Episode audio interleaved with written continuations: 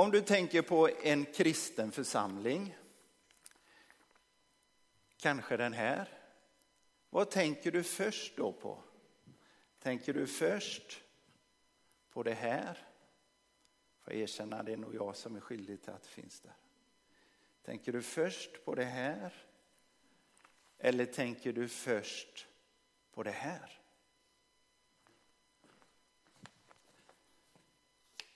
Medan du funderar på det, har du hört liknelsen om de två församlingsmedlemmarna? Det var en pastor som hade två församlingsmedlemmar, Olle och Lisa. Och Lisa hon sa till pastorn, nu har jag gått på gudstjänst så länge här nu och jag har hjälpt till och städat och jag har gett kollekt och jag har varit ledare och jag har gjort det så länge, nu vill jag känna mig fri. Jag vill bli fri att göra vad jag vill, så nu slutar jag att komma. Och Lisa började spela golf och trädgården behövde ju verkligen sitt. Och äntligen skulle hon hinna med att städa så fint där hemma som hon verkligen hade tänkt det. Och barnen de skulle ju spela kupp på helgerna. Och tänk vad köpcenter det finns att besöka. Och åren gick, men en regnig söndagsmorgon när Lisa skulle öppna kiosken igen, för det var dags för den 703 kuppen. Hon skulle vara där från halv sju på morgonen till sju på kvällen, för det var ju söndag, den heliga dagen. Då tänkte hon, timarna i kyrkan har det ju bättre än jag.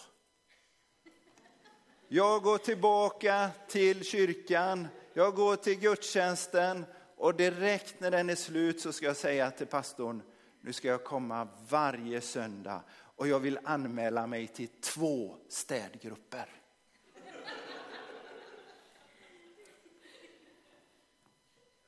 Men redan från predikstolen så fick pastorn syn på Lisa. Och han, han skyndade sig fram till henne och sa, han gav henne en kram och så sa han, det kan inte varit den här pastorn, det måste varit en annan. Eh, han gav henne en kram och sa, vad roligt att se dig. Kom så går vi och fikar, församlingen bjuder. Och de gick och fika. Samtidigt så var Olle i köket och diskade. När han fick syn på pastorn och Lisa där ute så blev han sur. Han ville inte gå in i serveringsvåningen. Men då kom pastorn ut i köket och försökte ta honom till rätta. Men Pelle, Olle, Olle heter han. Men Olle sa, här har jag bryggt kaffe och städat i alla dessa år. Hon där, hon har inte varit här på flera år och nu är du som är pastor i församlingen. Du sitter med och ger henne all tid och du bjuder till och med på kyrkkaffet. Ja, jag har först bakat bullarna och sen kom jag hit med dem och sen har jag betalat för mina egna bullar. Och ingen, ingen har ens kommit med porto till mig när jag dricker kaffe med mina vänner. Olle, sa pastorn, du kan inte jobba för att förtjäna något du redan har. Allt här är ju redan ditt. Du är inte till för församlingens skull. Församlingen är till för dig. Känner ni igen den? Ni hade hört den förut. Ni känner igen den fast ni inte har hört den förut. Den finns i en annan version, nästan lika känd. Eh, liknelsen om den förlorade sonen. Någon har sagt att det borde, eh, för det är en rubrik, det står ju inte så i Bibeln, liknelsen om den förlorade sonen. Eh, och någon har sagt att den kanske skulle heta liknelsen om de förlorade sönerna. För det är ju två. Det är två söner. Den, den yngste som dödförklarar sin far och får ut sin del av arvet. Det innebar att man var ju tvungen, det var inte att man tog ut pengarna på banken, utan man var ju tvungen att skifta egendomen och sälja ut mark då. Och som yngste son så fick han en tredjedel. Eh, han säljer allt och får utomlands. Han klipper alla band. Vi får inte reda på varför han vill detta i liknelsen. Det får vi inte reda på. Eh, men vi kan i alla fall dra slutsatsen att han menade att han skulle få ett bättre liv om han lämnade där hemma. Där utomlands så gör han av med allt han har. Till råga på allt så blir det inflation, skenande matpriser och lågkonjunktur. Så han tjatar sig till ett jobb som dräng hos en grisbonde. Men där, där hos bonden, eller hos grisarna, så kommer han fram till, jag hade nog det bättre där hemma i alla fall. Jag kan ju inte återvända som barn för jag har ju dödförklarat min far. Men kanske jag kan jobba där hemma. Och så vänder han hemåt, men innan han ens har kommit fram så förändras allt. För hans far får syn på honom som det står redan på långt håll. Och han springer emot sin son, han omfamnar honom och det är, det är inte tal om någon anställning utan far säger min son var förlorad men är återfunnen. Och han tar fram nya kläder, nya skor och det, de ställer till med en stor fest. Men den äldste sonen, han är inte där, han har varit ute och arbetat. När han kommer hem och hör att det är fest och får reda på att det är för hans sedan länge försvunne yngste bror så vägrar han att gå in. Men återigen kommer fadern sin son till mötes. Och sonen han tycker sig vara otroligt orättvist behandlad. Han säger, jag, jag har slitit här i alla dessa år och inte ens fått till en fika med mina kompisar. Men din son som har slösat bort en tredjedel av ägorna, när han kom hem, ja då blir det oxfilé. De slaktade gödkalven. Då svarar fadern, mitt barn, du är alltid hos mig och allt mitt är ditt. Men nu måste vi vara glada över att din bror har kommit hem. Och så fortsatte festen. Vi får inte veta om han gick med in på festen eller inte. Vilken bild hade den äldste sonen av gården? Den eller den? Det är så tydligt att det här, det var vad det var hemma hos honom.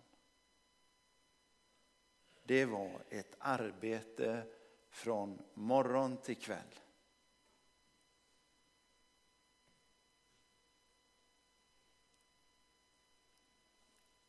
Vad den yngste sonen tänkte innan han for iväg, det vet vi som sagt inte. Men det blir så tydligt vad han återvände till.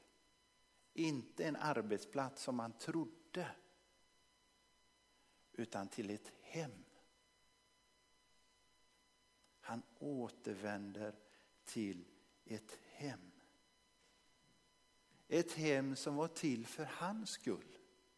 Han fick ju upptäcka det så övertydligt. Han fick mat och kläder, det blev fest och glädje och gemenskap just för hans skull. Det var inte tal om att han skulle bli anställd, utan han blev återinförd till familjen. Så vi är tillbaka i mina fantastiska illustrationer här. Tänker du på den kristna församlingen i första hand som en arbetsplats? Det gäller att göra sin plikt när man är uppställd på hand om städ och fika. Eller tänker du det som ett hem? Fyllt av glädje, om omsorg om varandra och andra och där Jesus är den självklara medelpunkten i gemenskapen. Hur tänker du? När jag kom till tro och blev en efterföljare till Jesus så var det inte förknippat med några euforiska känslor. Men var det någon känsla så var det detta, nu har jag kommit hem. Och Det är märkligt när man är uppväxt som hedning och går in i något helt nytt och liksom känner jag, jag har kommit hem. Och det var självklart för mig att gå med i församlingen. Med med dess förtjänster och med dess brister. Något som kunde vara jobbigt när man var ny i Stora Alingsås missionssamling. Vad heter du? Peter Andersson. Andersson, Andersson, nu ska vi se. Och så skulle man räkna ut vem man var släkt med i missionssamlingen. För det var, ha, ni räknar inte med några andra än era inavlade, eh, ursäkta,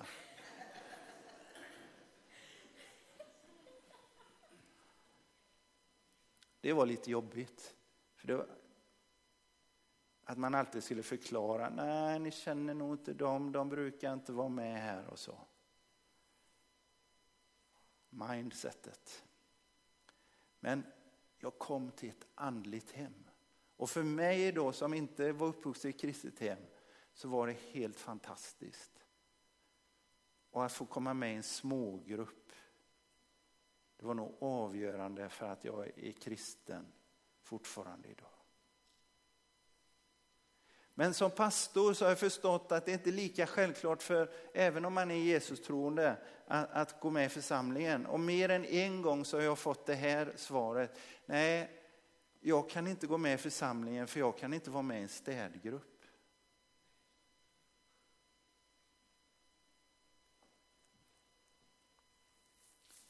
Alltså vilken bild man har är tydlig. Församlingen är, är mer en arbetsplats än ett hem. Församlingen är något där man måste göra rätt för sig. Det är något man förtjänar. Är det någon förälder här som har sagt till sin tvååring nu har du bott här i två år, nu är prövotiden slut, du har inte gjort ett handtag på de här två åren. Ut! Ingen. Eller hur? Ingen. Man bor ju inte i hemmet utifrån en anställning. Hade det varit eh, att man hade haft kunnat anställa en butler, det är ju drömmen, tänk att kunna anställa en butler. Fast jag har inte tillräckligt fina kläder, men ändå. Om den inte hade gjort någonting på två år, då hade man kunnat säga det är nog dags för dig att söka dig någon annanstans. Men ens barn är ju där inte utifrån vad man gör utan för vad man är. Man är barn i huset. Att det är fortfarande lite si och så med disk och städ när de har fyllt 20. Det är en annan sak, men det passar inte in i predikan så vi hoppar över det. Istället så har jag den perfekta lösningen på hur församlingen ska vara ett hem och inte en arbetsplats. Vi spikar igen alla städskrubbar så är problemet löst. Lugn, lugn nu du som suttit här och retat upp dig mer och mer. Nu ska jag ge dig rätt. Är det någon som skulle vilja bo i ett hem som saknar städskrubb? Nej. Jag skulle inte, var kommer all skit ifrån på en vecka? Det är, no, det är sådana här små vättar som springer in med dammet på nätterna, det tror jag, för vi har inte gett dem gröt.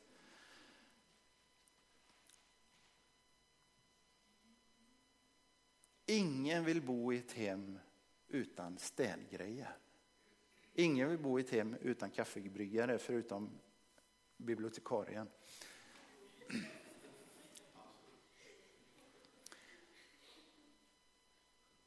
Alltså, man får prata om gemenskap hur mycket man vill. Men är det något som kräver mycket arbete så är det ett hem. Det handlar om ordningen. Hem först, arbetsplats sedan. Hem först, arbete sedan, just för att få ett fyllt hem fyllt av gemenskap och omsorg. Men om detta hindrar gemenskapen och omsorgen, då måste vi tänka ett varv till. Men det är någon som tror att den yngste sonen inte gjorde ett handtag på gården efter att han kom hem igen. Att det var hans slutsats efter omfamning, kläder och mat och fest. Var hans slutsats, wow, jag trodde jag kom till arbetsplats men jag kom till ett hotell med all inclusive. Nej, där några andra ska göra jobbet. Jag är övertygad om att när han hade återfått krafterna, när såren var läkta på de sargade fötterna, då fann du honom ute på fälten för att betala tillbaka. Nej, för det var hans hem. Och i glädjen över att få tillhöra ett hem. Han var inte dum i huvudet. Han visste. Det fanns en anledning till att det kunde vara mat och nya kläder till mig när jag kom hem. Jag fick ta emot av vad andra hade gjort.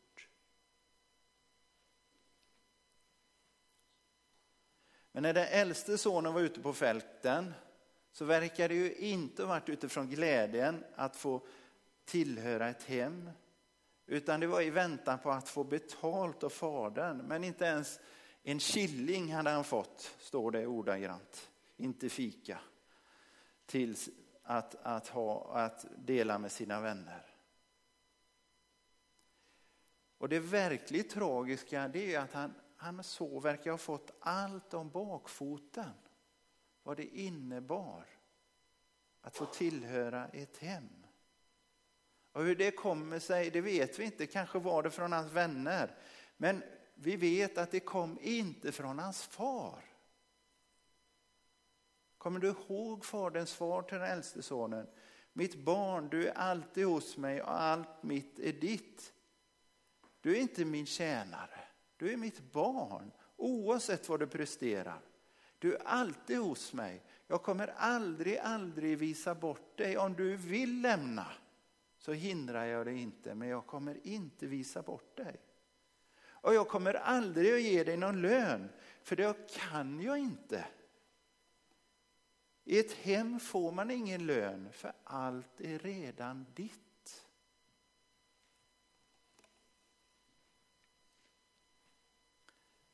När Jesus vill visa vem hans far är, när Jesus vill visa vad det innebär att ha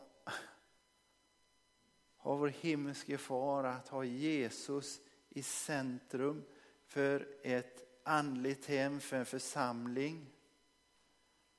Så berättar han om en far som aldrig tvingar någon, utan den yngste sonen var fri att lämna.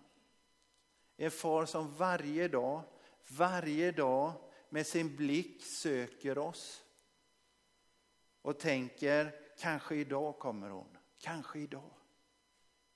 Och på långt håll ser han dig och han springer emot dig. Han omfamnar dig. Och lyssna vad jag läste i kärnbibelns kommentar.